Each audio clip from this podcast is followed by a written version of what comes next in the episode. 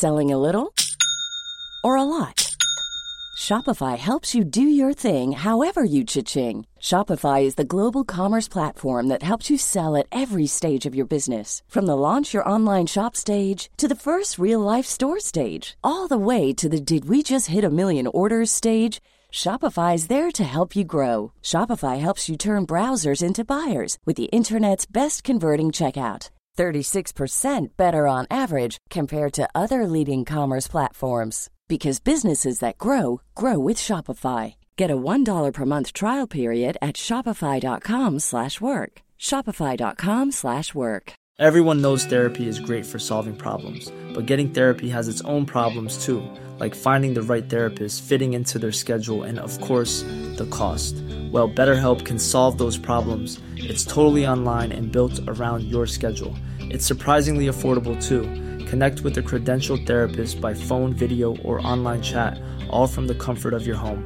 Visit betterhelp.com to learn more and save 10% on your first month. That's BetterHelp, H E L P.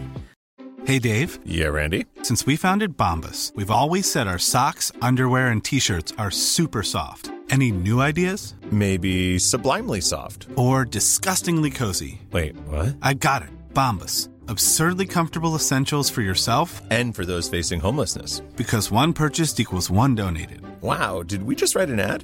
Yes. Bombas. Big comfort for everyone. Go to bombas.com slash ACAST and use code ACAST for 20% off your first purchase.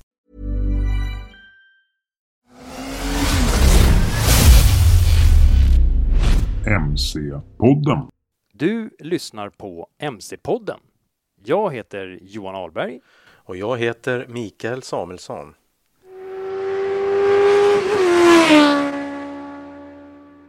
Ja, gott folk. Hej alla MC-podden-lyssnare. Välkommen till avsnitt nummer sex.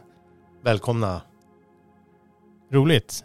Då var som sagt, det är bara att rulla på här. Avsnitten kommer varannan vecka som vi har utlovat och eh, ja, våren kommer också närmare. Det känns faktiskt, idag var det lite vårkänslig kände jag. Ja, lite grann kanske. Men eh, nej, jag har inte eh, känt av det riktigt än kan jag säga. Nej, Men däremot så är det ju jäkligt kul med den här podden tycker jag personligen. Och man längtar lite Mm. efter, eller till den var 14 dag som vi har levererat nu. mm. Ehm, så att, Det, jag känner också att vi har ju fått ännu mer respons från er lyssnare och ni ska vara medvetna, ni som skickar in, eh, att ja, ni får ju oftast ett svar också, men eh, vi lyssnar och tar till oss och eh, även fast det inte kanske kommer i nästa avsnitt så har vi det på en slags att göra-lista. Många av era förslag i alla fall som har kommit in. Så att det, det finns grejer i görningen. ja, nej men vi läser, vi tar till oss såklart. Men om vi skulle kika lite på förra avsnittet, avsnitt 5 Johan. Det var Mm. väldigt eh, gästtätt det Ja. avsnittet. Det var lite längre och lite kortare grejer och det var ju, man kan säga att huvudgästen, om man ska kalla det, var ju Mattias Ernholm, den eh, folkkäre programledaren som är känd från kanske framförallt Room Service och Sofias Änglar. Men också i den högaktuella hoj-relaterade eh, Helvetesresan, den här dröm motorcykelresan som inte riktigt blev som planerat. och eh, ja, Mattias är ju verkligen en hängiven hojåkare och eh, från att ha kört länge med streethojar och sporthojar på 80-90-talet så har det smugit sig över mer och mer åt att, att han eh, kör mycket enduro. Eh, så det var, det var en intressant och kul gäst att få snacka lite mer med faktiskt. Sen ringde du upp Annie Sil va? Mm, just vi, det. vi ville väl veta där hur det hade gått för henne. Och, eh, Precis. Hon var ju med och körde, eller deltog i Dakarrallyt som så kallad co-driver, alltså kartläsare, i ett bilekipage som jag tycker ändå är lite motorcykel som det är en Yamaha Turbo 1000 kubiks motor och hej och hå, en sån här buggy. Eh, och hon har ju kört, eh, deltagit i motorcykelklassen fem gånger tidigare och det var hennes tionde gång som hon var med i rallyt. Så då snackade vi lite med henne. Sen eh, var det ju en tredje gäst och det var ju Linus Lidalen från BMW. Och han drog ju de eh, positiva försäljningssiffrorna från 2022 när det gäller BMW. Och det var jättekul att höra att, det, att det har gått så bra och han hade ju lite förklaringar på det. Men sen också Johan, eh, som en liten parentes så kan vi väl nämna här rakt över disk, höll jag på att säga, att KTM för någon vecka sedan noterade en eh, milstolpe i form av en miljon tillverkade motorcyklar. Och den miljonte Mm. motorcykeln, det var en eh, 390 Adventure. Ja, Undrar hur de har eh, märkt ut den på något sätt. Får den en plakett eller? precis. Vem vet? Jag vet faktiskt inte om jag ska vara ärlig. Nej. Nej men det, det, jag tyckte det var jättekul med tanke på hur det har sett ut i världen senaste året, kanske eller senaste åren. Så är det jättekul att se att också även eh, då KTM hade ju också jättefina försäljningssiffror. De hade, om inte jag minns fel, nu 12 år på raken eller någonting med Mm. rekordförsäljning och även så Ducati. Så att, äh, det, det är jättekul, det lovar gott. Det är grymt. Ja. Men, Men- vad, vad händer i det här avsnittet då Johan? Avsnitt 6. Ja, nej jag eh, var ju och träffade sjufaldiga endurovärldsmästaren Anders Eriksson som eh, ja, berättar lite om sin uppväxt och hur det kom sig att han började köra motorcykel, framförallt enduro och berätta lite mer om hur framtiden ser ut också. Med barn och familjegöromål och allting. Ena, ja, där hans son då har själv börjat köra eh, motorcykel och hur han ser på en eventuell framtid som den här eh, depåfarsan som eh, ser på när sonen själv drar fram på racebanorna. Men smaka på det Johan. Depå, det, är ingen depå, det är inte vilken depåfarsa som helst. Nej, Alltså han är sjufaldig enduro-världsmästare. Ja. Sjufaldig. Ja. Vi pratar liksom inte två, tre gånger. Vi Nej. sju gånger. det, det, det är ju, han är ju en gigant inom framförallt endurosporten. Han är ju en av få i världen med så många titlar, VM-titlar då, då. Och ser man det totalt i hela världen i alla sporter eh, så är det ju få eh, idrottspersonligheter som har så många VM-titlar som han har. Så att eh, det är, vi pratar ju Ingmar Stenmark och den nivån liksom. Så att sen att han har hållit på i en sport som inte har varit riktigt lika synlig för den stora massan kanske. Ja, Det var ju kanske när han var med i Mästarnas Mästare där som han fick lite sån, eh, som man kallar det, revansch eller vad man ska kalla det. Mm. Han Ja, blev då väldigt blev folkkär så. Folkligt.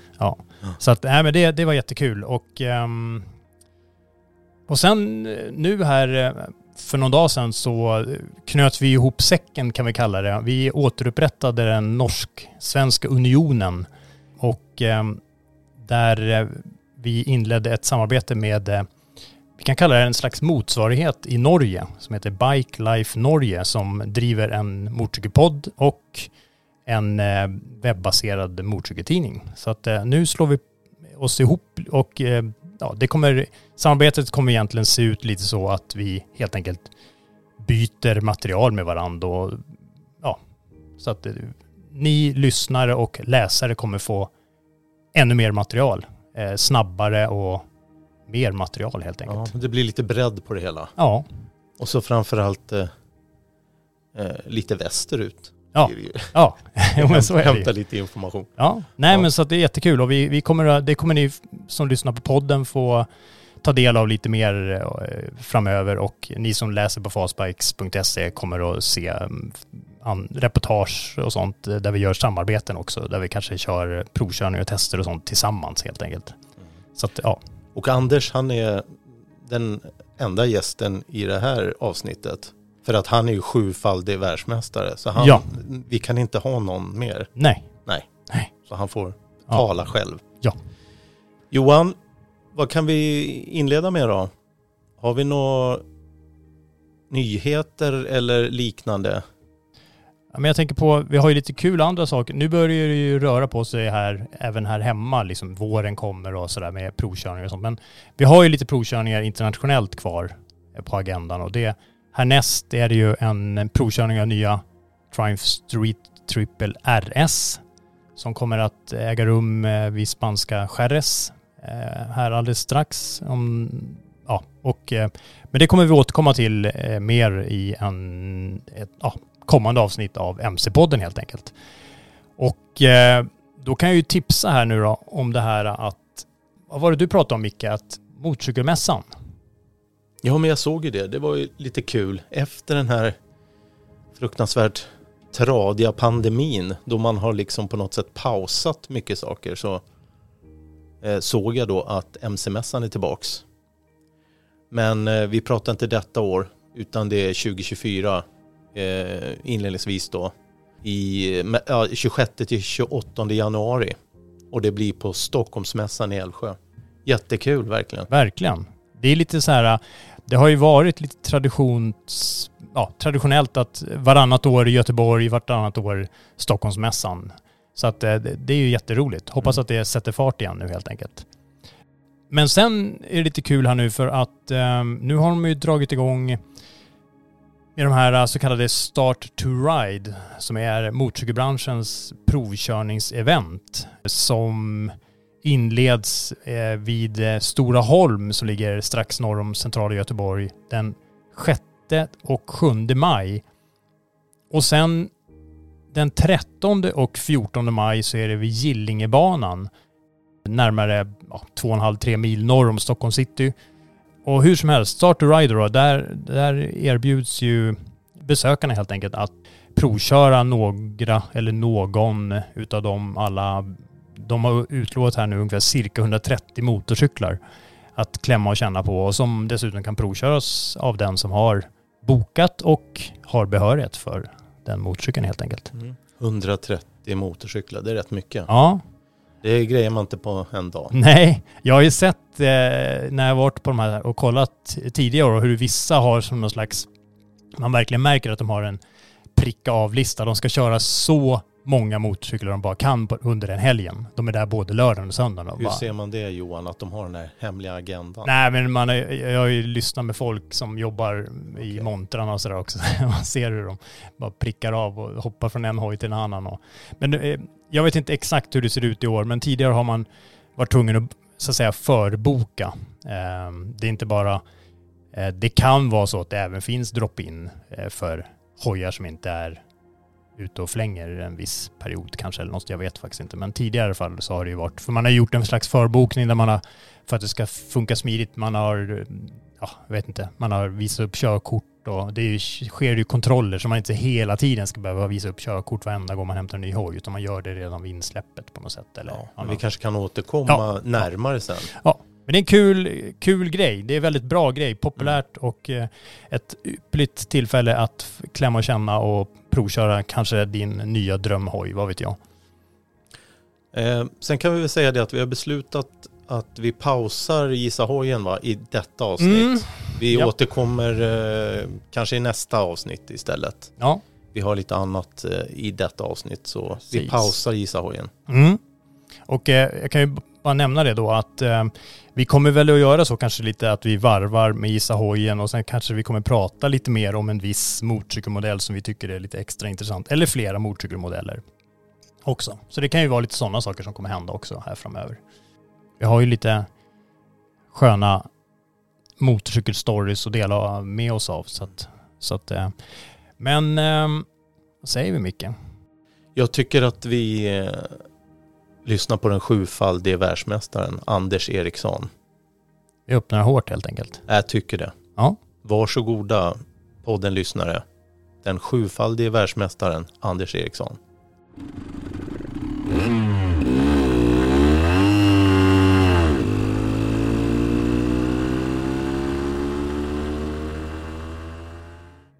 Ja, då sitter jag här på konditoriet Bagare Brage i Tibro med självaste Anders Eriksson. Sveriges främsta enduroförare genom tiderna och en av enduroförarna i världen med flest antal VM-titlar. Oj. Så är det. Ja, det lät ju tungt det där. Ja, det var tungt. Om jag är rätt informerad Anders så debuterade du i enduro-VM 1991. Stämmer bra det. Och redan 1995 körde du till dig ditt livs första VM-titel i enduro. Året därpå blev du återigen världsmästare och så även 1998, 99, 2001, 2002 och 2003. Ja, och sen uppe på det här då, då förutom alla möjliga SM-race och hitten och dit som du har kört, så har du ju också tre totalsegrar i Novemberkåsan och blivit tysk enduromästare. Ja, Eh, fem gånger. fem gånger ja. Men jag tänkte så här. ehm, du kommer ju härifrån krokarna har jag förstått. Ja. Jag är född i Jo och det är ju 16 kilometer härifrån. Uh, Tibro följer sig naturligt med det intresset. Jag började köra motorcykel när jag var tre och ett halvt. Det var ju pappa som, som höll på. Pappa var militär. Men uh, körde, körde motorcykel, körde enduro. Och så eh, fick jag in, intresset så jag fick en hoj och började skava lite på, eh, på gräsmattan hemma och en liten dunge, en liten skogsdunge som vi hade och eh, bortanför, bortanför huset. Så där började jag ta mina första steg. Men när det blev dags för motorklubb sen så följde det sig naturligt att bli med i eh, Tibro motorklubb då. Mm. Men förlåt, men jag vet, det finns väl en liten story där med, med hojen? Ja, Den finns väl fortfarande kvar i familjen? det stämmer bra det. När jag fyllde 30 år så, så hade ju mamma och pappa lyckats ragga upp eh, den här hojen. Den heter ju Bet Baby då. Alltså en, en italiensk eh, Morini och eh, den är röd, tanken är röd och så står det Bet Baby på, i vit text. Och sen var det ju ett ryggstöd på den där och så stödhjul då. Och först åkte väl stödhjulen och sen så åkte ryggstödet. Och så fanns det någon liten strypning i gashandtaget där så den inte gick att vrida på fullt. Så det, det successivt så, så togs väl de där grejerna bort och så ju mer man fick upp balansen och, och, och, och, kunde föra den framåt. Och den står i eh, vardagsrummet då, jättefin med startnummer tre på. Eh, så ja, det, det är häftigt. Det är häftigt. Vad har, eh, har du något sånt där första motorcykelminne? Som du, eller är allt återberättat? Jag tänker på, när är det första motorcykelminnet? Ja, men det är precis. Mycket har man ju fått återberättat för sig så, så tror man ju det där är ens första minne. Men, men första minnet Johan, eh, som, som jag kan liksom sluta ögonen nu och som jag eh, inte har fått så mycket återberättat. Då är vi då är jag ute och åker bakom pappa. Liksom så här. Först så fick man åka med pappa ut på, på tanken. Och sitta, alltså då, då åkte de ju lite så här hajker vet du. Alltså, eh, lite så där ut bara på utkörning i skogen då. Va? Lite skogsstigar och sådär. Och då, då, då stod man väl förmodligen då kan jag tänka mig och så grina och grina och grina va. För att han skulle ju få ut och åka med sina polare då liksom. Och så fick ju han börja förhandlingen liksom att om jag åker nu en sväng med mina polare så, så, så nästa gång då får du åka med på tanken. Och det där säger man inte ostraffat höll jag på att säga. Så då fick jag ju åka med på tanken. Och så var man ute och då ser Lät sådär jag... lagom bekvämt. Ja, men, ja precis. Eh, Men, men jag har en bild, jag har faktiskt en bild på min son William hemma. Då får han, eh, när han är två, tre år, så åker han på tanken på mig då. Och då så känner jag, jag åker, jag har ju honom framför mig så här. Och så kör vi lite småstigar och ut på något gärde och sådär. Och så rätt vad det är så känner jag ju hela kroppen hans liksom bara slappnar av så här. Då har han ju somnat vet du. Men, men om jag somnade, det vet jag inte. Men, men det, det är liksom det första, fick man åka på tanken. Sen så eh, pappa importerade och sålde motorcyklar som heter Technomoto. Och de fanns i 50 och, och det fanns en även lite större hjul på en, på en, jag kommer inte ihåg om det var en 65 Men då, då får jag en sån och så körde jag en sån. Och där där någonstans så, så, eh, så har jag minne då ifrån eh, när vi kör. Pappa och lite eldsjälar hade startat, gjorde en egen eh, liten crossbana uppe i skogen. Och eh, då, då åker jag en XR75. Så då, jag menar, då snackar vi, då kanske jag är liksom 7-8 år. Och där skavde jag rätt så mycket. Det, det är inte långt härifrån. Det är en, det är en 10, 10 kilometer upp i skogen. I Jubberud. Där åkte vi äh, rätt mycket. Och, ja, men där, har, där kan jag ju sluta ögonen och, och, och fortfarande se mig liksom hur, hur jag tar banan framför mig för, och, och, och kör. Då. Mm. Jag tänker, har du något sånt där bästa motorcykelminne? Oj, oj. Bästa motorcykelminne, du vet. det- Förstår att du har fantastiska minnen. Ja. Massa olika. Ja, det finns ju så mycket som, som poppar upp och, och både i ung ålder och vuxen ålder. Och... Men om du tar ett sånt där, beskriv ett riktigt härligt minne, hojminne. Det finns ju, ja, vad skulle det kunna vara? Det finns ju både liksom när man, i, i, när man kämpade om VM-guld och gick över mållinjen och så väntade då på, på när konkurrenten kommer in och ser att ens eh, tid räcker till liksom och att man vinner en dagsseger eller ett VM-guld eh, som det blev då. Där finns det ju, det finns det ju mängder. Du tänker på fighten mot Ahola? Ja, kanske? Ahola och Rinaldi. Ja, ja. Tiainen. Eh, och där hela teamet får, får brista ut i en, liksom, i en eufori, liksom att tiden räcker och att vi, vi står överst på pallen. Den, den, den får jag ju rysningar utav. Sen bästa motorcykelminne känslomässigt att sitta på hojen, där kommer det ju upp känslor liksom du vet om man har åkt ett prov, ett, ett, ett, ett, ett enduroprov i Frankrike. De la ju proverna på böljande flowset. Om du tar en typisk fransk enduroåkare så är de ju väldigt tekniskt duktiga med elegans och mm. kör liksom på ett väldigt... Jag tänker ballett. Ja, e- exakt. och så la de ju lite sina specialprov. Du har ju själv varit ute och tittat liksom på ett VM i Frankrike och tittar ut över en böljande gräslänt liksom sådär. Och hade, hade man, hade man liksom tagit en ögonbild, eh, tagit hörlurarna, lyft mig, flyttat mig ner till ett gräsgärde och så öppna ögonen och så titta ut så hade jag kunnat säga direkt liksom så här, nu är vi på ett gräsprov i Frankrike. Så, för när jag bara tittar på dragningen på det liksom. Och där, där, där, där kan man ju dra sig till minnes många gånger liksom hur man har en, en underbar känsla på biken att det är liksom att, att, att under så lång förberedelsetid mot ett mål och känna känslan av hur det flyter och lirar och du, du är ett med hojen. Där, där, kan, där böljar det ju fram saker. Jag känner att jag är ganska abstrakt. Du var ute efter ex, exakt så här, VM 94. Eh, ja. Jag vet inte, det var, det var ändå, jag förstår, du har massa funkar härliga... det eller? Det funkar. jag tänker så här att eh, förutom att du har vunnit VM hela sju gånger och det är ju liksom för mig helt fantastiskt imponerande i sig. Eh, men du har ju ett antal segrar i novemberkåsan också. Ja. Det kanske haltar lite grann här nu, men jag måste ändå fråga. Eh, hur skulle du beskriva liksom skillnaden i stort med att, jag tänker för de som inte vet, som är så insatta, mellan att köra en VM-deltävling med att genomföra en novemberkåsan? Skillnaden är ju ganska stor på ett sätt, men kanske ja. inte så stor som man kan tro när det gäller vissa saker. Nej, det är den ju inte. Men, men den största skillnaden är just det där att Kåsan var ju alltid en tävling.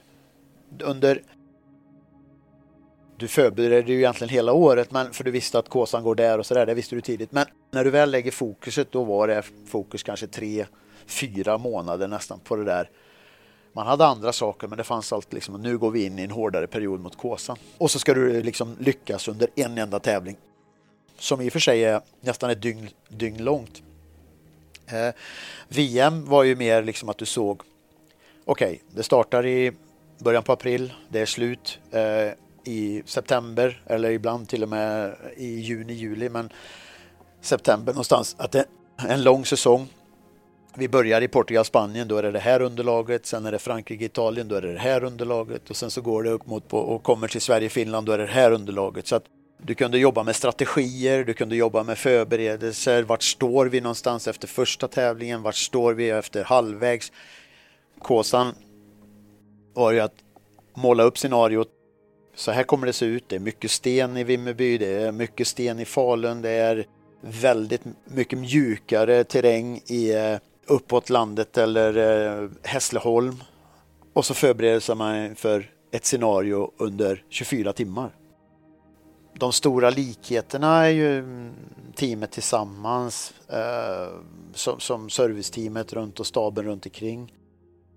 Men, men eh, och, sen, och sen VM var det ju mycket, mycket större skillnader på tempon under tävlingen den, den är ju jättestor och påtaglig. Liksom du har transporttempot, du lägger en ny strategi inför nästa specialprov som kanske är 10 minuter eller 5 minuter eller 12 minuter.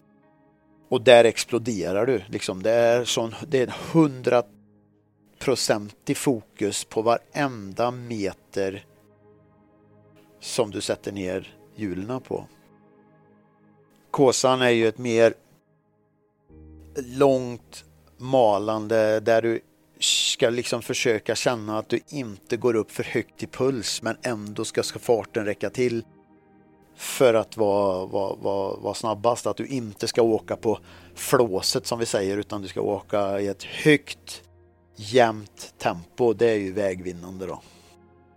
Och för alla som inte känner till det så finns det ju de här typerna av varvlopp, typ Gotland Grand National och sånt där man kör massa varv i, låt säga tre timmar eller någonting. Ja. Men det här skiljer sig med att man har transport och specialsträckor.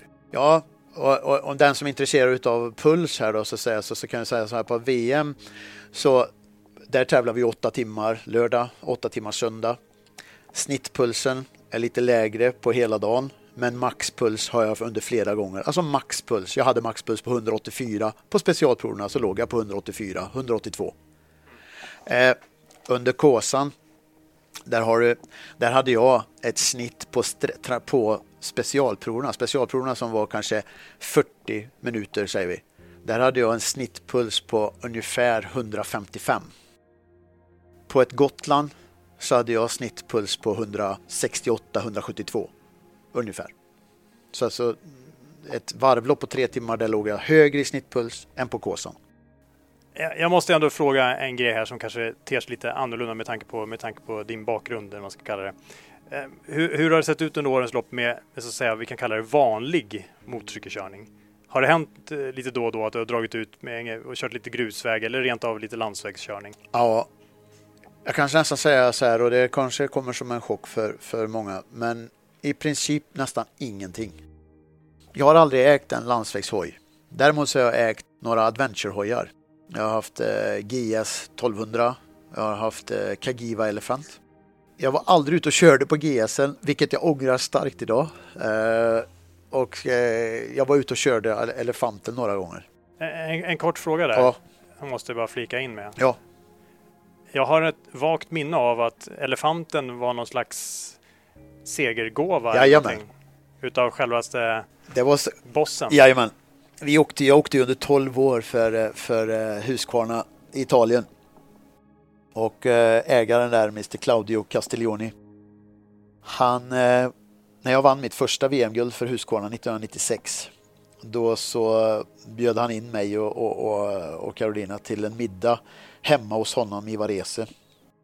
Och under middagen där så, så förklarar han då att vi är ja, jätte, jättetacksamma för det du har gjort och jag vill ge dig en liten present och det var den här Kagiva-elefanten då. Så, så, det har varit väldigt lite av den varan. Jag gjorde en jätterolig grej i, under hösten 2022. Då fick jag förmånen att utbilda MC-poliser i Hagfors. Och då var det två dagar på endurohojar. Så då hade vi hade de, fick de kärkohojar att köra på. Och sen så tredje dagen, eh, för all den här utbildningen skulle göra att de skulle bli lite säkrare på sina hojar. Och deras hojar var ju GS 800, GS 1200. Så jag har åkt mer än halva endurobanan, slalombacken Hagfors. Det är ganska stenigt brötigt. Den har jag åkt på en GS 1200. Härligt. så, men eh, då åkte, vi, då åkte vi rätt mycket grusväg. Och det tyckte jag var häftigt. Vet du vad som var jäkligt läskigt? Den, de är, jag hade inte riktigt koll på det där, men i en sån där GS så kan du ju, det finns ju så himla mycket hjälpmedel. Det är ABS, det är antispinn, eh, allt rubbet, hård mjuk fjädring, bababab. Men jag provkörde den där och på ett sånt där litet spetsprov, en grusplan, så var det mycket lättare för mig att koppla ur allting. Koppla bort antispinnen, koppla bort eh, ABSen för att kunna få känslan för det. Ja, och då gick det hur bra som helst. Och sen så drog vi iväg på en liten, på en liten tur och så kom vi upp på ett utkiksställe och så skulle vi ta lite bilder.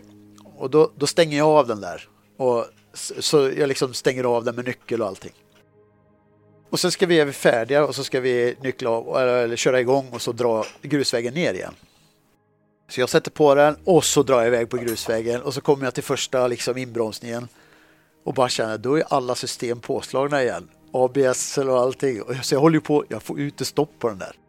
Jag tänkte, ja, nu, ja det var ju bra sorti på det här. ja. ehm, för att övergå till något annat då, då, så tänkte jag på det här att, eh, att jag för några år sedan så fick jag den stora äran att eh, författa din biografi, boken eh, Skjorta rätt ut. Det var ju du som gjorde jobbet. Ja, men det var ju tillsammans med dig och utan dig hade det inte blivit någon bok. Att, och där kan man ju följa din resa från barnsben, då du redan i unga år säger något i stil med att du minsann ska bli världsmästare, om inte ja. jag minns fel, ja. i skolan där ja. någonstans. Och ehm, då andra sa att de skulle bli allt ifrån brandmän till poliser och allt vad det heter. Och det var ju, det blev ju ganska rätt där onekligen. Men jag vet ju att eh, ja, du körde ju i din pappa Hans hjulspår kan man säga. Eh, precis som din son William gör just nu. Ja. Och hur känns det eller hur kändes det kan man väl säga snarare eh, då han för några år sedan körde sina först, sin första vända med sin maskin? För, egen, ja, för helt egen maskin helt enkelt. Ja, Ja men alltså det, det är ju varje gång som jag ska säga så här, det är väl det är, det är både det är blandade känslor givetvis eh, när man funderar på ska, ska, man, ska, man, ska vi köpa en hoj till honom? Liksom så här. Vad innebär det? Liksom? Men jag har väl hela livet också så här att jag inte överanalyserat saker och ting utan äh, men det är klart vi börjar med en hoj. Liksom. Och så ser man ju glädjen i hans ögon när han får liksom prova den här och, och köra den här. Och då, då, då blir det ju rysningar i hela kroppen för då blir det ju någon slags liksom minne utav hur det, hur det kändes själv liksom att få se fram emot det här och testa liksom och sådär. Sen, sen ja, så, blev, så fattade han ju intresse för det här och tycker det är roligt. Jag vet som liksom första, första gången han började lära sig att köra den här PV50 utan liksom stöd. Jag, hade, jag satte aldrig stödhjul på den men när han började kunna köra den själv han ville ju köra varje dag liksom. Och, och, och till slut, jag hämtade honom på, hos dagmamma och så, ja jag vill köra. Och så stack vi ut och körde. Jag tror det var sjunde, eller, sjunde dagen eller sånt där så, så, så frågade jag, vill du köra idag eller? Nej, idag är jag ledig, sa han då. så då var han ledig. Jag har hört pappa lite. Men, men eh, sen då liksom när han blev lite som han är nu, nu är han ju snart, han fyller tio år, han precis fyllt nio så, så har han ju börjat tävla eh, mer och, och, och, jag ser verkligen hur han tycker det är kul. Samtidigt så känner jag väl av vibbarna att, att, att jag kanske liksom lägger pressen på honom att var, varför ska han bli bra om att jag blir bra? Liksom det, det finns ju inga likhetstecken där liksom. Och jag har väl det har, gått, det, har gått väldigt, det har gått väldigt bra för honom och han är jätteduktig men, men jag har, väl, jag har väl hört lite kommentarer liksom i en depå sådär liksom att ja men det är väl inte konstigt att han blir bra. Hans pappa var ju så bra. Och då kan jag bli, då, då känns det lite så här, ah, så här. Men, men, men de otroligt fina mot varandra i den guldhjälmsklassen som de, som de kör i. De hänger, man ser hur de tar lite egna initiativ, går banan, går ba hittar lite polare och går banan ihop med... Ja, men då njuter jag ju. Då njuter jag i fulla drag. Kan, kan, du se en framtid eh, framför dig där du hänger i depåer, ungefär som dina föräldrar och Carolina har gjort under hela din karriär, ja. där du följer William på massa race runt om i världen? Ja, det kan jag absolut se. Jag, jag, jag, skulle, jag skulle jättegärna vara med på det tåget. Om, men, och det är ju jätteviktigt att jag måste vara jäkligt eh, känna av hans känslospröt ordentligt. Att det är verkligen han som vill det här. Ja, liksom. Jag vet ju att han håller på med lite handboll och ja, lite annat också såklart. Exakt så. Att, ja. Men eh, för att då avrunda med lite andra grejer så tänker jag så här, lite kortfattat ditt absolut ett eh, viktigt tips till enduroförarna och kanske övriga motorcyklister där ute? Nej, det, det, det låter klyschigt men, men eh,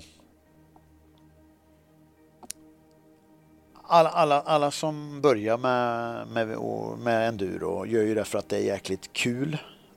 Behåll glädjen oavsett om, sen så kommer man kanske till en punkt och märker att man, fan jag har ju kanske lite fallenhet för det här, jag vill bli bättre oavsett nivå där så kan du tratta ner det till att behåll glädjen. Behåll glädjen. Jag har sett så många andra scenarion där man där man lägger på måsten.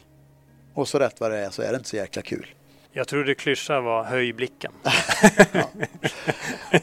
Jag kanske blir äldre Johan. Den, den, ja, men jag tror att det är grundförutsättningen där. Liksom, ja. att eh, behåll glädjen.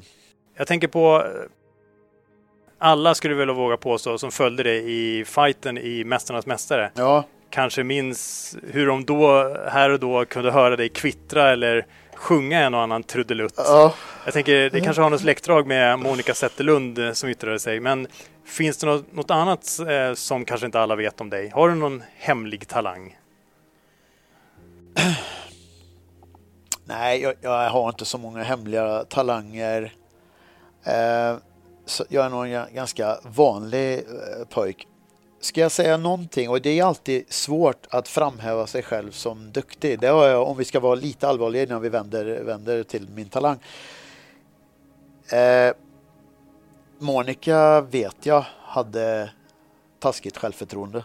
Eh, jag, jag, jag, jag, jag, tyck, jag tyckte jag kan ju alltså ibland tycka liksom eh, att jag inte ens var bra på att köra enduro. Alltså taskigt självförtroende tror jag, bortsett kanske Zlatan, om någon annan, någon annan idrottsman säger att jag har inte dåligt självförtroende, då tror jag nästan att det är lögn, höll jag på att säga. Men, men det brottades man mot hela tiden, att man eh, inte var, tyckte att man var tillräckligt bra.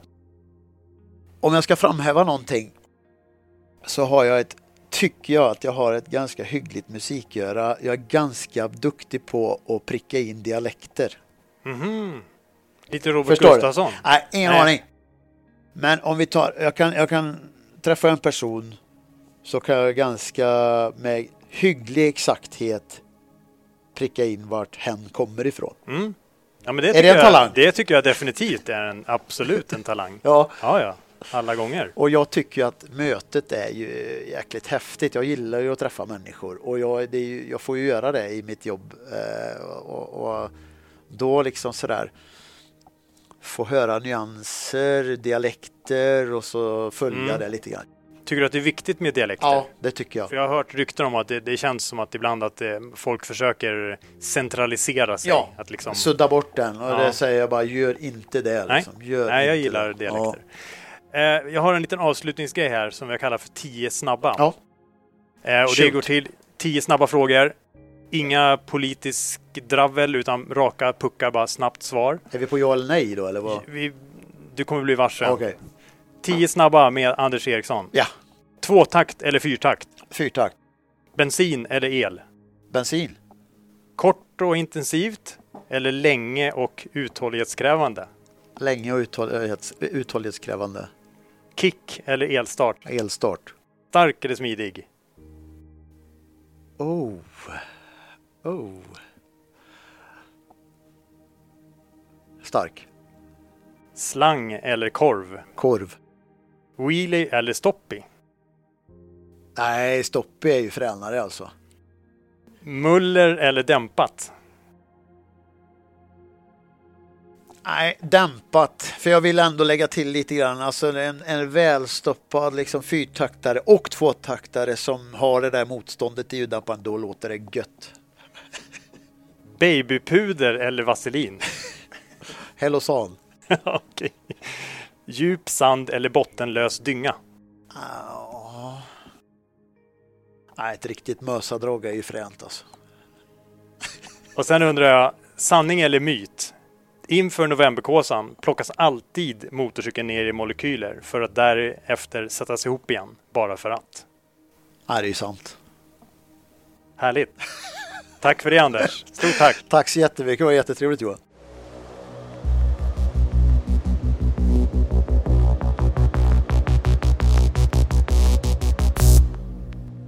Ja, men där som sagt eh, fick vi som inte redan kanske har läst hans biografi eller träffat honom i, i mm, verkliga livet så att säga, ehm, veta och lära känna honom lite mer.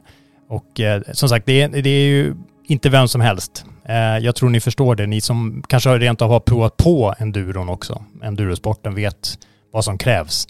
Ehm, men eh, ja, hur som helst, ödmjuk, fantastiskt trevlig person som har en vilja utan, ja, som få andra kan man väl säga.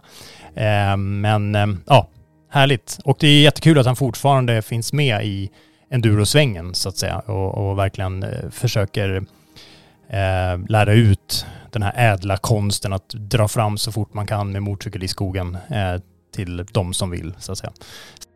Äh, Även sen är det kul att han, han driver ju sina körskolor och det är verkligen, kan jag ju verkligen varmt tipsa om att du som är intresserad av att lära dig mer om den ädla endurokonsten så tycker jag du, du bör belöna dig själv med att gå en sån utbildning. För det är sjukt roligt och eh, intressant och bra.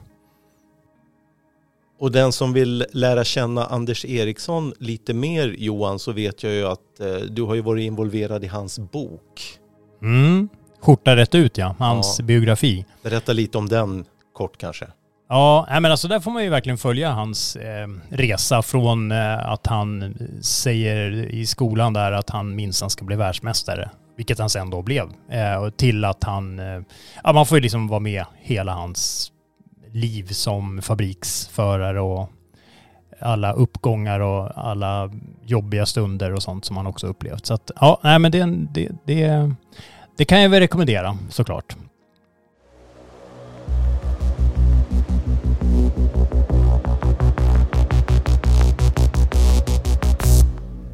Men Micke, vi, vi har ju snackat lite om eh, att det är en provkörning av eh, Triumph Street Triple RS på gång här i Spanien alldeles eh, snart. Vad vet du om den Johan? Vad är nytt för i år? Alltså, jag har ju kört Street Triple liksom eh, sen den kom. Eh, alla versioner. Och det är ju liksom, den här är ju också fortfarande den här busiga nakenhojen. Alltså det, det är verkligen i hojens DNA att den är busig. Street fighter som man brukar kalla det.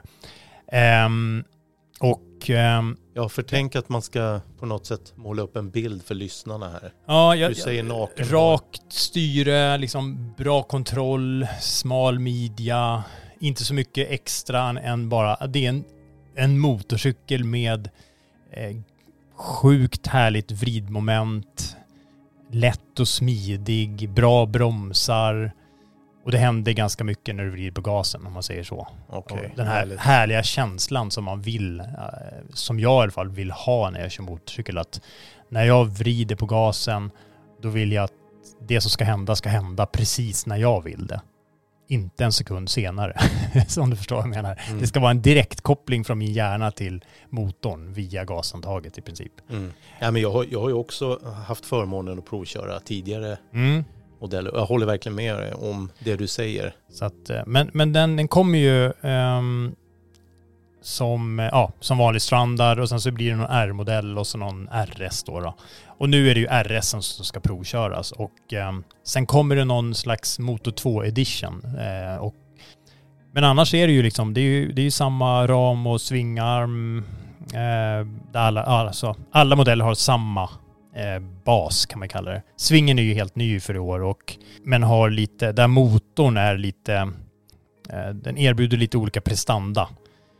Man säger att R-versionen har 120 hästar och eh, RS och Motor 2 har 130 hästar som bäst och eh, där vridmomentet ligger på, om jag inte minns fel här nu, 80 newtonmeter eh, som bäst hos samtliga versioner och eh, Ja, men det är, lite, det är lite nytt hos motorerna. Det är nya kolvar och högre kompression, nya vevstakar, kolvbultar och ventiler och lite sånt. Eh, kamaxlar med högre lyft. Och eh, så har man fått en lite tätare stegad, eh, sexstegad växellåda och eh, lite lägre slututväxling som antagligen då ska resultera i häftigare acceleration. Då.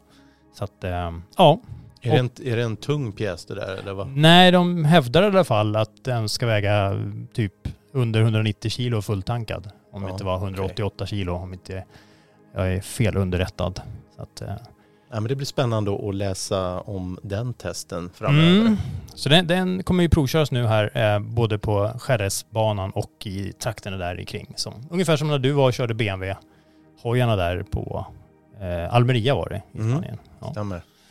Vad har vi mer då Johan? Ja. Eh, för nyheter? Ja, alltså jag tycker det var kul att, um, utan att vara lite för elak här så känns det ju som att Suzuki har ju, har man ju saknat lite grann. Det har ju känts som att det inte har hänt så mycket på Suzuki-fronten på några år nu. Och nu kommer de ju med en uh, ny um, offroad-maskin, uh, V-Strom 800 DE, som um, har, uh, och jag kan säga så här, det kommer även en G6 8S som också är en ganska naken maskin. Och varför jag säger det här i samband med den här V-strommen är för att de delar motor. Eh, en eh, parallelltvinn på 776 kubik med en eh, 270 graders vev och dubbla balansaxlar. Och eh, det är lite sånt där, ja, men det är sånt som är på många motorcyklar nu. Det är, vi pratar sån här färg, TFT, 5-tums instrumentering och massa härliga anpassningar eller man ska säga inställningsmöjligheter där man kan styra över massa omkopplingsbar traction control och ABS-bromsar och lite sånt där. Så man kan anpassa det lite för hur man själv vill att cykeln ska vara. Men jag vet att vi, vi snackade när vi hade vårt lilla snack om eh, Dr. Big, DR750S från gamla goda tiden. Jajamän.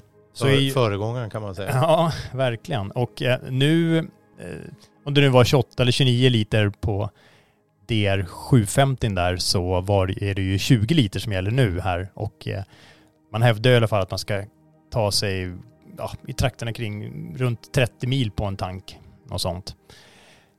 Och ehm, men annars det. Sen finns det väl en massa grejer man kan kitta den där med också. Ja, precis. Ja. Men den har också då sån här ja, G-läge som är för gravel, alltså grusvägsåka. Och det finns lite andra saker man kan eh, anpassa den så kallade traction controllern, alltså antispin-systemet efter lite om man vill köra på asfalt eller på grus och lite sånt. Så att, eh, ja, men, men en, en, det känns som ett, ett steg i rätt riktning när det gäller den hojen, för den har ju varit väldigt populär och nu har den blivit lite, eh, ja, tagit ett steg till, lite modernt så. Um, med lite mer effekt och lite sånt. Ja, men Micke, vad tycker du? G6 8S, hur skulle man beskriva den rent designmässigt? Ja men det är också, du nämnde ju Triumphs där, den som, den som ska provköras och eh, det här är ju en naken hoj också. Mm. Det, det, det är populärt med sådana där nakna, enkla hojar. Men den ser ju väldigt spacey ut och den, eh, ja, slimmad. Mm. Jag tycker de, de har fått till en, eh, jag tycker den har fått till en snygg eh, övergång från eh, så att säga strålkastare med sin lilla minikåpa som är vid ja, strålkastaren helt enkelt. Övergången till kylarvingarna vid tanken och sen vidare över till en väldigt slimmad eh, rumpa. Ja, nej men det mm, ser väldigt att, eh, simpel ut men ändå Ja, det ser häftigt ut. Mm, så den, det är en hoj som jag tror kan, även fast det liksom, jag menar, eh, det har ju hänt lite sedan man började på 80-90-talet och braka fram på 750 kubiks hojar. Så nu pratar vi 776 kubik och en parallell twin. Eh, som jag förväntar mig ska leverera eh, ganska bra med knuff och körglädje framför allt. För det, det är väl egentligen det som kanske är det viktigaste, i alla fall när jag kör, att det ska finnas en körglädje i hojen.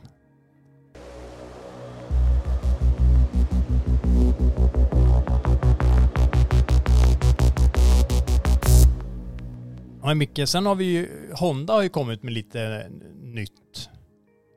Det är ju lite skoj att gamla godingen Transalp och Frode hojen som var lite den här, eh, kändes som en snäll Africa Twin på något sätt. Precis. Så att den, den um, vad säger man? Um, ja. Återuppstår. Den återuppstår. Den har, den, den, den kommer Som vi se här. 750 också. Ja. Och um, i samma veva så lanserade ju även eh, Honda eh, nya CB750 Hornet. Också en sån så kallad Street Fighter naken eh, maskin då. då. Också med en, en parallell twin. Och sen har vi den lite mera retro-maskinen, CL500, som ingår i den här. Det finns ganska många olika CB500-hojar, så att det, det är också en, eh, 471 kubiks eh, parallell twin. Så att det är lite kul för det är lite spridda skurar där. Det är en elak Street Fighter och det är en eh, lite sådär som jag förväntar mig ska vara en ganska härlig, eh, liksom inte det här vassaste, häftigaste, extremaste utan mer så här man vill köra lite skönt med ett fiskespö på grusvägen ner till någon sjö och eh, ut och tora lite och sådär. Eh, så att eh, vill man ha det häftigaste, extremaste då kanske man väljer Africa Twin eh, som är mera liksom hardcore grussmisk sådär.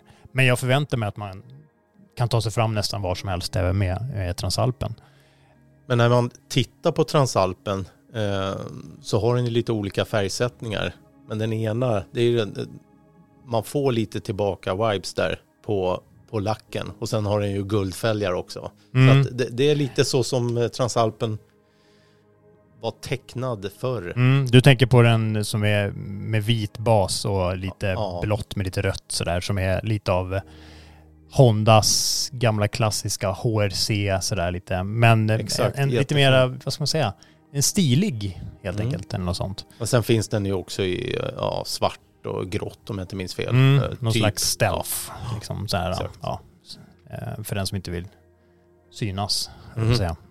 Ehm, nej men jag, jag tror på den här. Den känns, jag, jag, tycker den är snygg. Eh, och eh, ja, den, den ehm, ja, vi har ju liksom fjädring från Showa, 43 mm gaffel fram och en ProLink dämpare bak med och lite sådär schyssta bromsar. Men sen är den också kittad med allt det där man vill ha, liksom 5-tums färgskärm och eh, jag vet att det är lite sådana grejer som att Honda har ju använt sig av det på ett antal modeller nu med eh, röststyrning och sånt för smart, så kallad smartphone.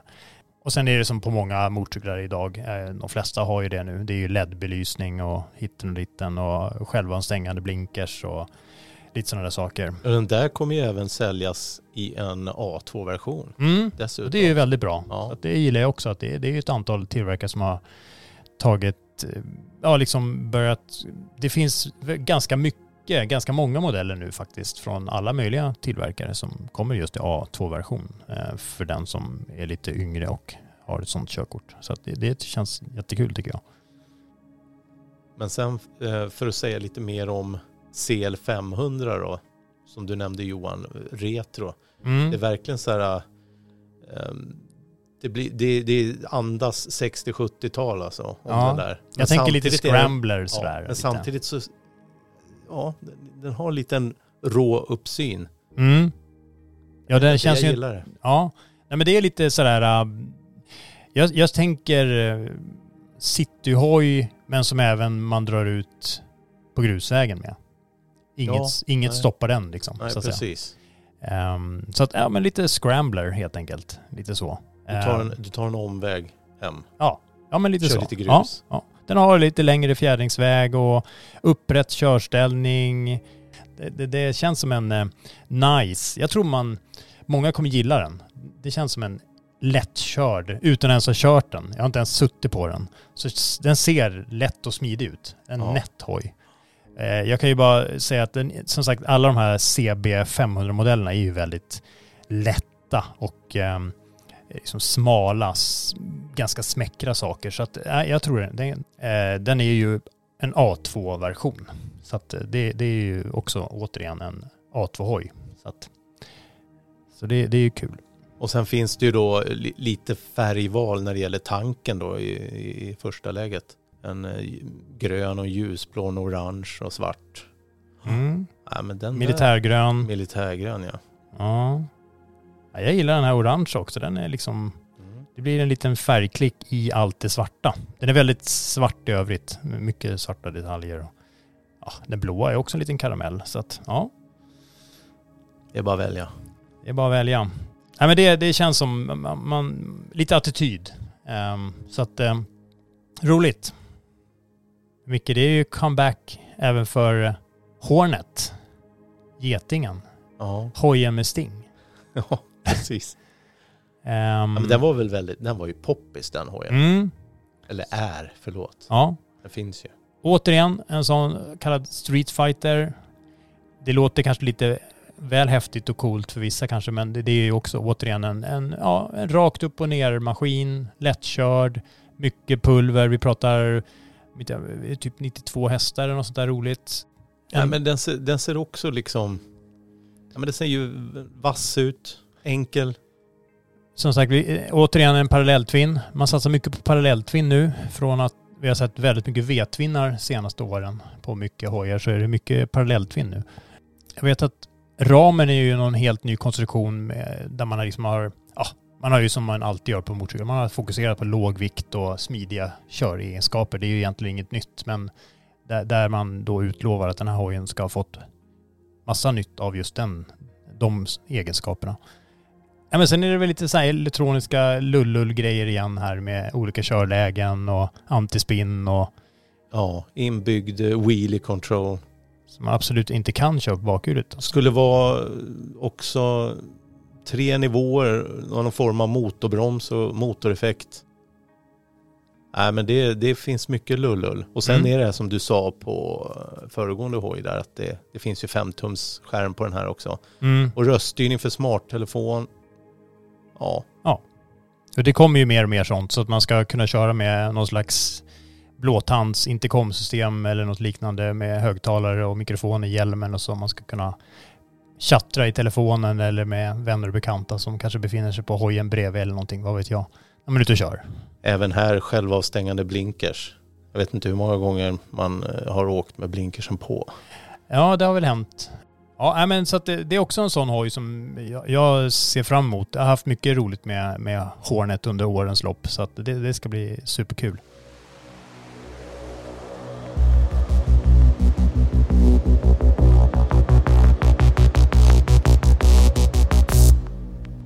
Nu är jag ju en sån här hemsk människa som inte gillar cigaretter. För att inte säga avskyr cigaretter. Och därför känns det ju lite jobbigt med att MV Gusta då kommer med Lucky Explorer i två versioner här nu. För det är eh, er som har lyssnat på tidigare podd, eh, MC-podden här, så vet nu ni att eh, jag har själv ägt ett antal Kagiva elefanter. Och nu har ju Enva Gusta gjort någon slags Kagiva elefant efterapning i två versioner. En 9.5 som det kallas och en 5.5. Och nu snackar vi ja, helt enkelt en lite mindre modell och en lite större modell.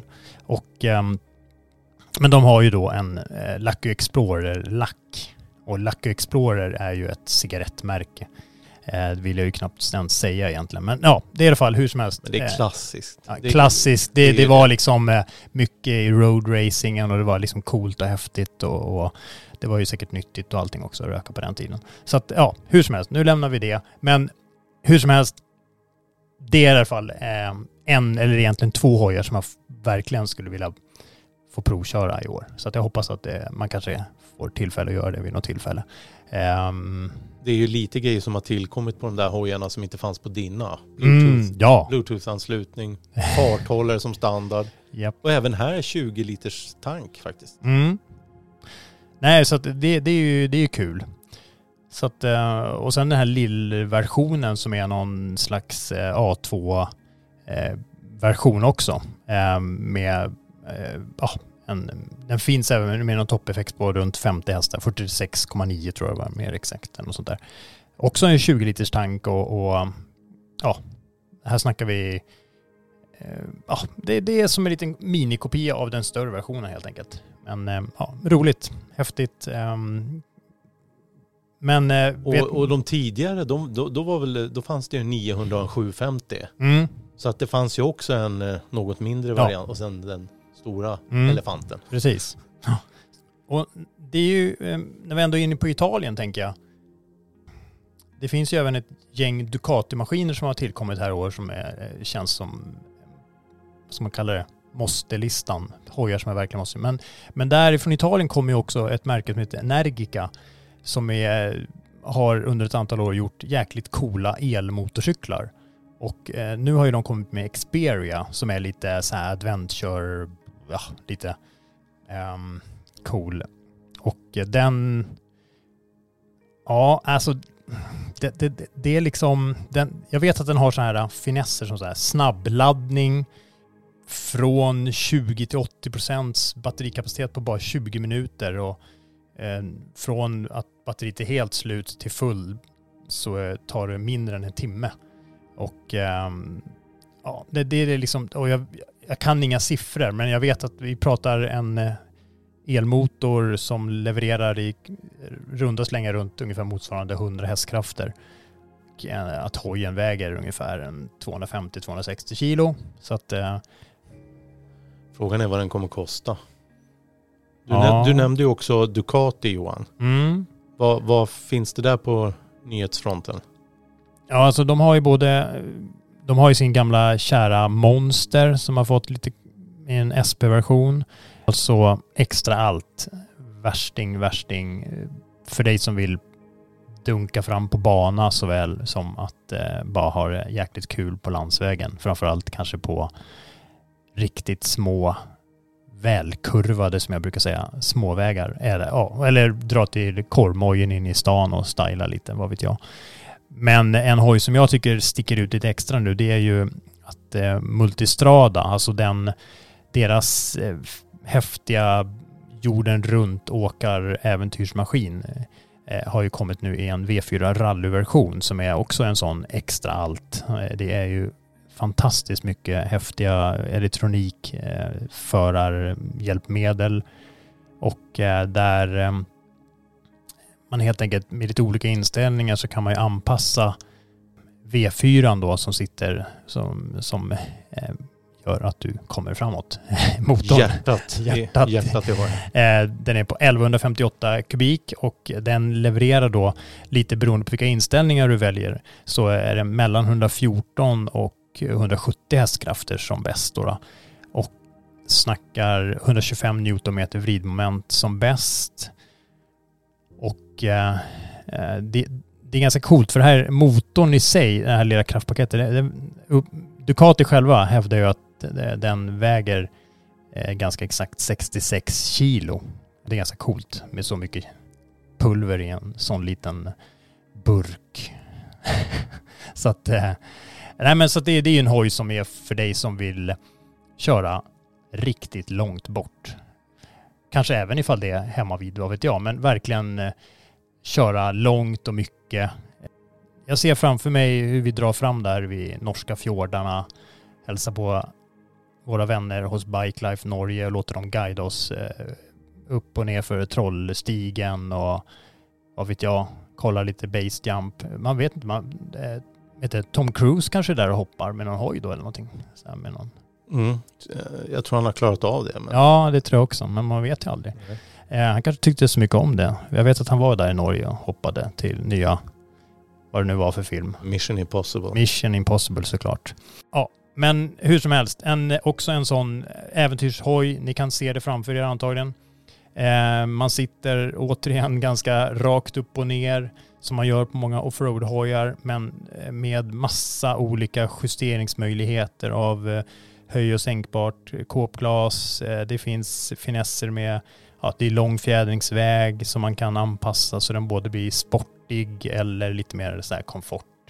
Ja, och det är farthållare och det är elvärme i sadlar och styren i styrantagen och ja, helt enkelt. Eh, och sen finns det ju självklart då massa extra lullull i form av eh, aluminiumpackväskor och lite sånt. Ja. Så att, eh, men framförallt väldigt mycket pulver också. Så att det, det, det, man kan ha jäkligt roligt men man kan ha jäkligt mysigt med den också. Så att, ja. Och sen har de även sin riktiga värsting eh, och det är ju Street Fighter V4 SP. SP2. Och eh, ja, samma sak. Då, då snackar vi väl eh, top of the line eh, grejer va? Det är väl Mm. lite kolfiber och Ja, jäkligt cool hoj för eh, strax under 200 000. Rött eller lite så här, nästan lite stealth-grön. Alltså lite så här matt grön. Nästan åt det gråa hållet. ja, det Eh, ser riktigt läcker ut. Ja, och eh, det är ju å- riktigt häftigt. Vi pratar en eh, torrvikt eh, på 178 kilo och en eh, 153 hästkrafter ur en 955 kubiks Super Quadro-motorn. Och eh, här är återigen fullt smackat med massa häftig elektronik som där du kan anpassa antispinn och ABS och allt vad det heter som gör eh, ja, helt enkelt att du får den upplevelse som just du vill ha kan man väl säga. Så ja. Mm. Men Micke, det finns ju en hoj till som äh, känns ju som man inte får glömma heller. Jag, jag tänker, vi har ju lite vänner När och bekanta pratar, som- när du pratar, pratar Ducati. Så har vi ju lite scramblers som egentligen är nästan ett eget märke. En egen institution höll jag på att säga. Men sen har ju de Ducati även den här Desert X Mm, med, med liksom eh, 21 tums framhjul och 18 tums bakhjul och, och eh, alltså hade det varit på gamla goda tiden då hade man nästan tänkt att det här var en eh, färdig att tävla med i Dakar rallymaskin. Lite eh, Kaigiva Elefant tänker jag. Ja, ser ut så i alla fall. Nej, riktigt häftigt. Dubbla runda strålkastare. LED såklart. Ja, ser väldigt smutt ut. Väldigt Mm. slimmad.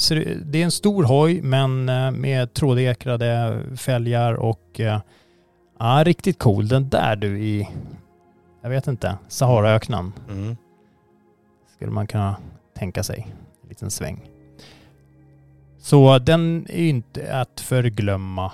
937 kubiks Testa Stretta motor med eh, som eh, ja, lär erbjuda ganska mycket eh, ja, roligt, härlig körglädje på eh, framförallt skulle jag säga grusvägar men eh, självklart så gör den säkert inte att livet blir tråkigt på den vanliga landsvägen heller såklart. Ehm.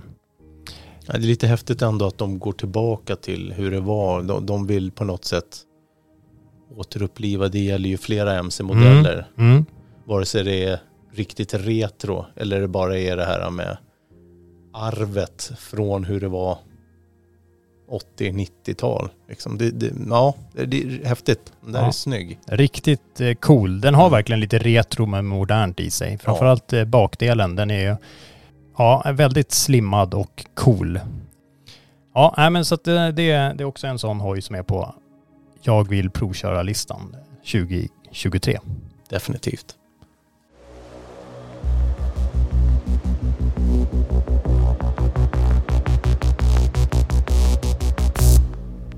Det har varit mycket Street Fighter och offroad-hojar här. Jag tänker, vi har ju en BMW som har lite på, den, på det området också. Du var iväg och körde M1000R eh, och S1000RR i Spanien här alldeles nyligen. Men jag tänker på, de har ju även den riktigt coola R9T som är lite så här, man kan eh, de verkligen har gjort från grunden så, så att du som äger en sån ska kunna ganska lätt, med ganska lätta medel, eh, med hjälp av plånboken visserligen, men eh, anpassa den, eh, göra en personlig eh, stil. Du köper massa extra, du kan byta ut sadel och ja, i princip allt på hela hojen kan du, som en lego-grej liksom. Den har väl också funnits i diverse olika varianter Mm. till och från. Ja. Men vad är nytt Äh, de- för i de- år då? de, de, de, det är en slags jubileumsmodell som kommer i lite special eh, färg, lack och eh, lite kromdetaljer, en, en speciell 18 liters tank och eh, lite så här vit pinstriping lite sådana saker som gör att ja, den sticker ut lite extra. Lite coolt så här styrensmonterade backspeglar och så den är ju, vad ska man kalla det, den ser eh, handbyggd ut redan från början så att säga. Mm. Och sen har vi ju BMW är ju kända för att göra väldigt komfortabla långfärdsmaskiner och eh, inte minst då deras nya R1250 RS som ja, är helt enkelt en, en eh, sportig... Eh, Tourer. men- Ja, en sportig tourer. Helt enkelt en sporttourer. Ehm, och ehm, ja, som, som erbjuder lite ny teknik med ja, lite så här torque, alltså vridmomentskontroll och eh, lite så här eco-riding-lägen som att man ska kunna köra lite längre än vad man kanske kan annars och sådär. Den anpassar väl insprutning och lite sån tändning till att, så att man ska spara på bensinen. Och eh, det finns lite olika, ja, man, man, kan köpa till lite olika tillval som gör att man får lite flera körlägen, så här pro-riding-läge eh, och sånt som eh, gör att man själv kan anpassa eh, körläget helt och hållet efter hur man själv vill ha det. Inte bara de här fasta lägena som ofta finns då. då. Men eh, det är väl Ja, sen vill jag, jag personligen vill ju jättegärna köra S1000RR och eh, M1000R och jag misstänker att även du skulle kunna tänka dig att käka en mjukglass i, nere vid havet och eh, dra en vända med en sån dit. Ja, men det är klart. Men eh, det finns allt för många på förelistan där eftersom jag nu har provkört dem Mm. och fick göra det ganska intensivt. Men det finns många, jag, av de vi har rabblat upp så men, men nu är det så att eh, Kawasaki har ju eh, på G här nu sin elhoj. Och den, den väntar jag eh, på med stor förhoppning om att det ska bli något riktigt coolt. Men, och jag vet att det sägs att den ska dyka upp. Men jag vet inte riktigt exakt när.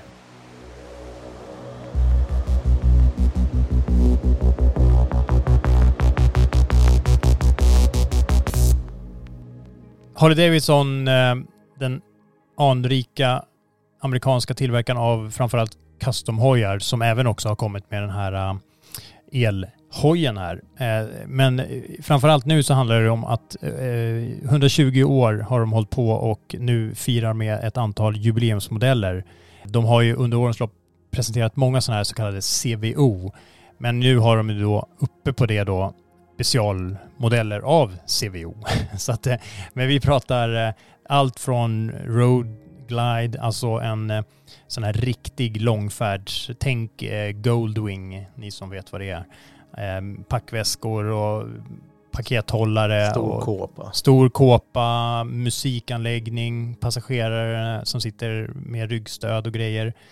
Eh, till eh, avskalade Fatboy som har riktigt fet framgaffel, sitter lågt, brett styre, lite så här lätt bakåtlutad med fötterna lite framåt på eh, såna här eh, lite fetare mm, fotplattor. Och sen har vi ju då den klassiska Heritage Classic som är också en sån med riktigt skön långfärdsmaskin som jag faktiskt har kört ganska mycket med under årens lopp och kört lite längre sådana här touringgrejer med. Eh, med en ganska så här, eh, ja men riktigt som det låter, Heritage Classic.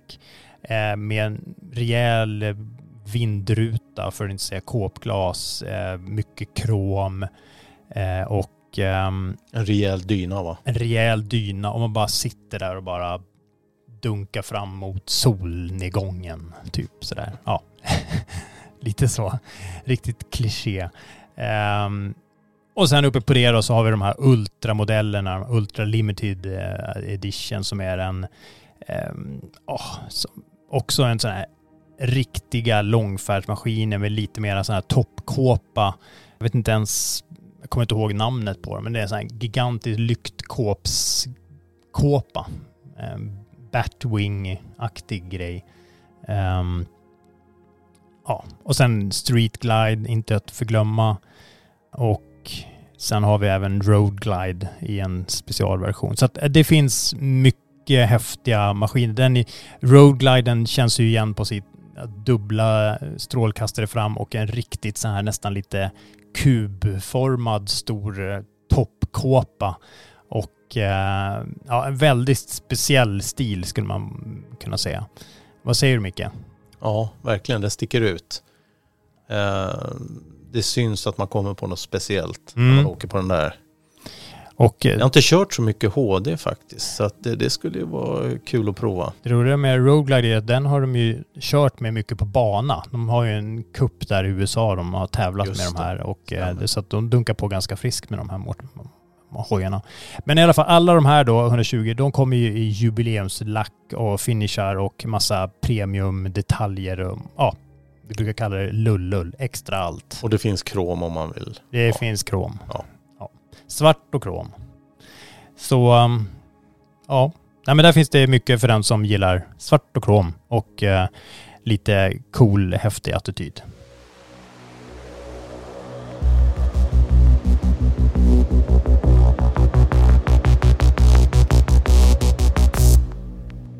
Micke, det känns ju som att vi, hur vi än gör så halkar vi in på adventure. Ja, det känns lite så. Jag vet inte, men det är väl poppis med sådana modeller. Eh, de går att köra överallt och ja, Du- men det är helt enkelt poppis. Jag var ju nere och körde 890 i Portugal, 890 Adventure här. Och Du pratar om KTM. KTM, förlåt. Ja, Ja. Och förutom den då så finns det ju även eh, store, jag ska inte säga bror här, större syskonet 1290 Super Adventure S. Men där man skulle kunna säga den stora skillnaden skulle jag säga är ju att 1290 Super Adventure S är mer väg, alltså tänk köra långt. Du vill ner till Monaco och käka en mjukglass. Medan 890 Adventure är kanske lite mera smiska grusvägar och utforska, dra till Rumänien och köra riktigt eh, hård, hardcore körning. Och så har vi 790 som är lite snällare så då, 790 Adventure. Men en hoj som jag verkligen eh, alltid har älskat eh, för dess häftiga köregenskaper är ju Super Duke. Så den, den måste jag få eh, tillfälle att köra lite mer i år, känner jag. Och sen för att halka över till, så att säga, familjemedlemmen eller vad man ska kalla det, det är ju Husqvarna Norden.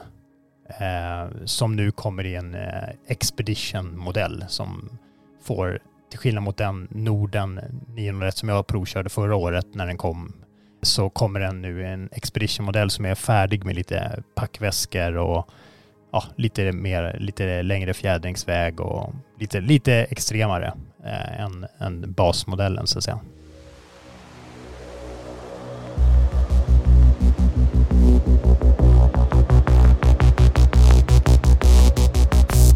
Men Micke, det, det känns som att ja, vi, vi har ju självklart missat massa modeller. Det finns ju coola hojar från massa andra tillverkare som vi, vi ja, helt enkelt, vi har inte valt bort dem medvetet. Vi har bara liksom, det här är väl lite ett axplock av hojar som vi i alla fall, sen vill, jag vill ju köra massa andra hojar. ja, men sen vi har ju tillfälle framöver att återkomma till de här Mm. modellerna. Absolut. Och sen kan vi ju även ta med annat Ja.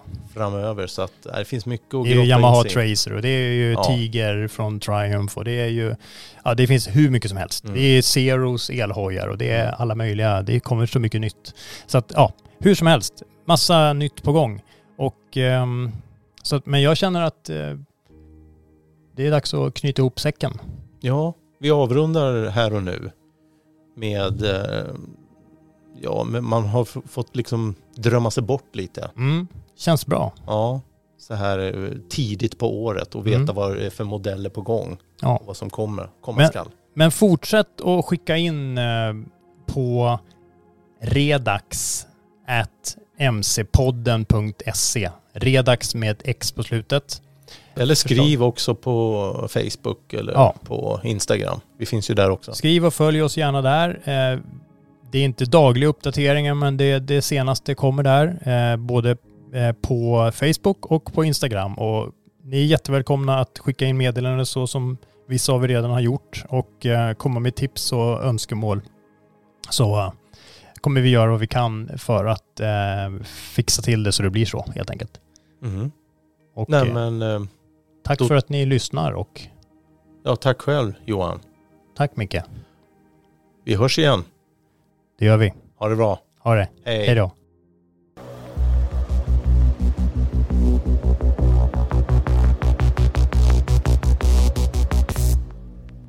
Du har lyssnat på MC-podden. Jag heter Johan Ahlberg. Och jag heter Mikael Samuelsson.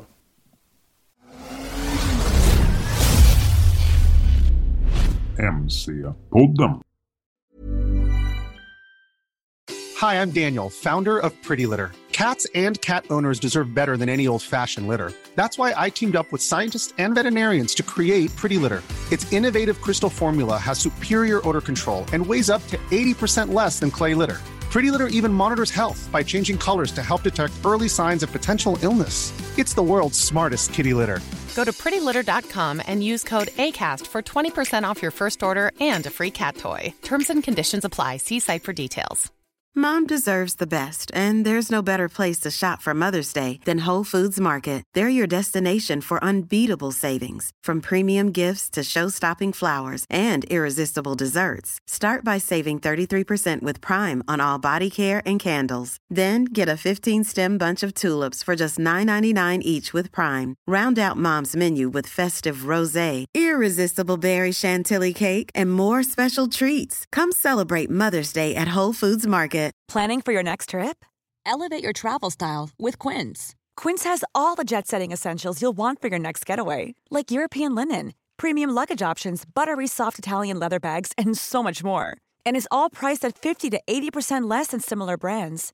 Plus, Quince only works with factories that use safe and ethical manufacturing practices. Pack your bags with high-quality essentials you'll be wearing for vacations to come with Quince. Go to quince.com/pack for free shipping and 365-day returns.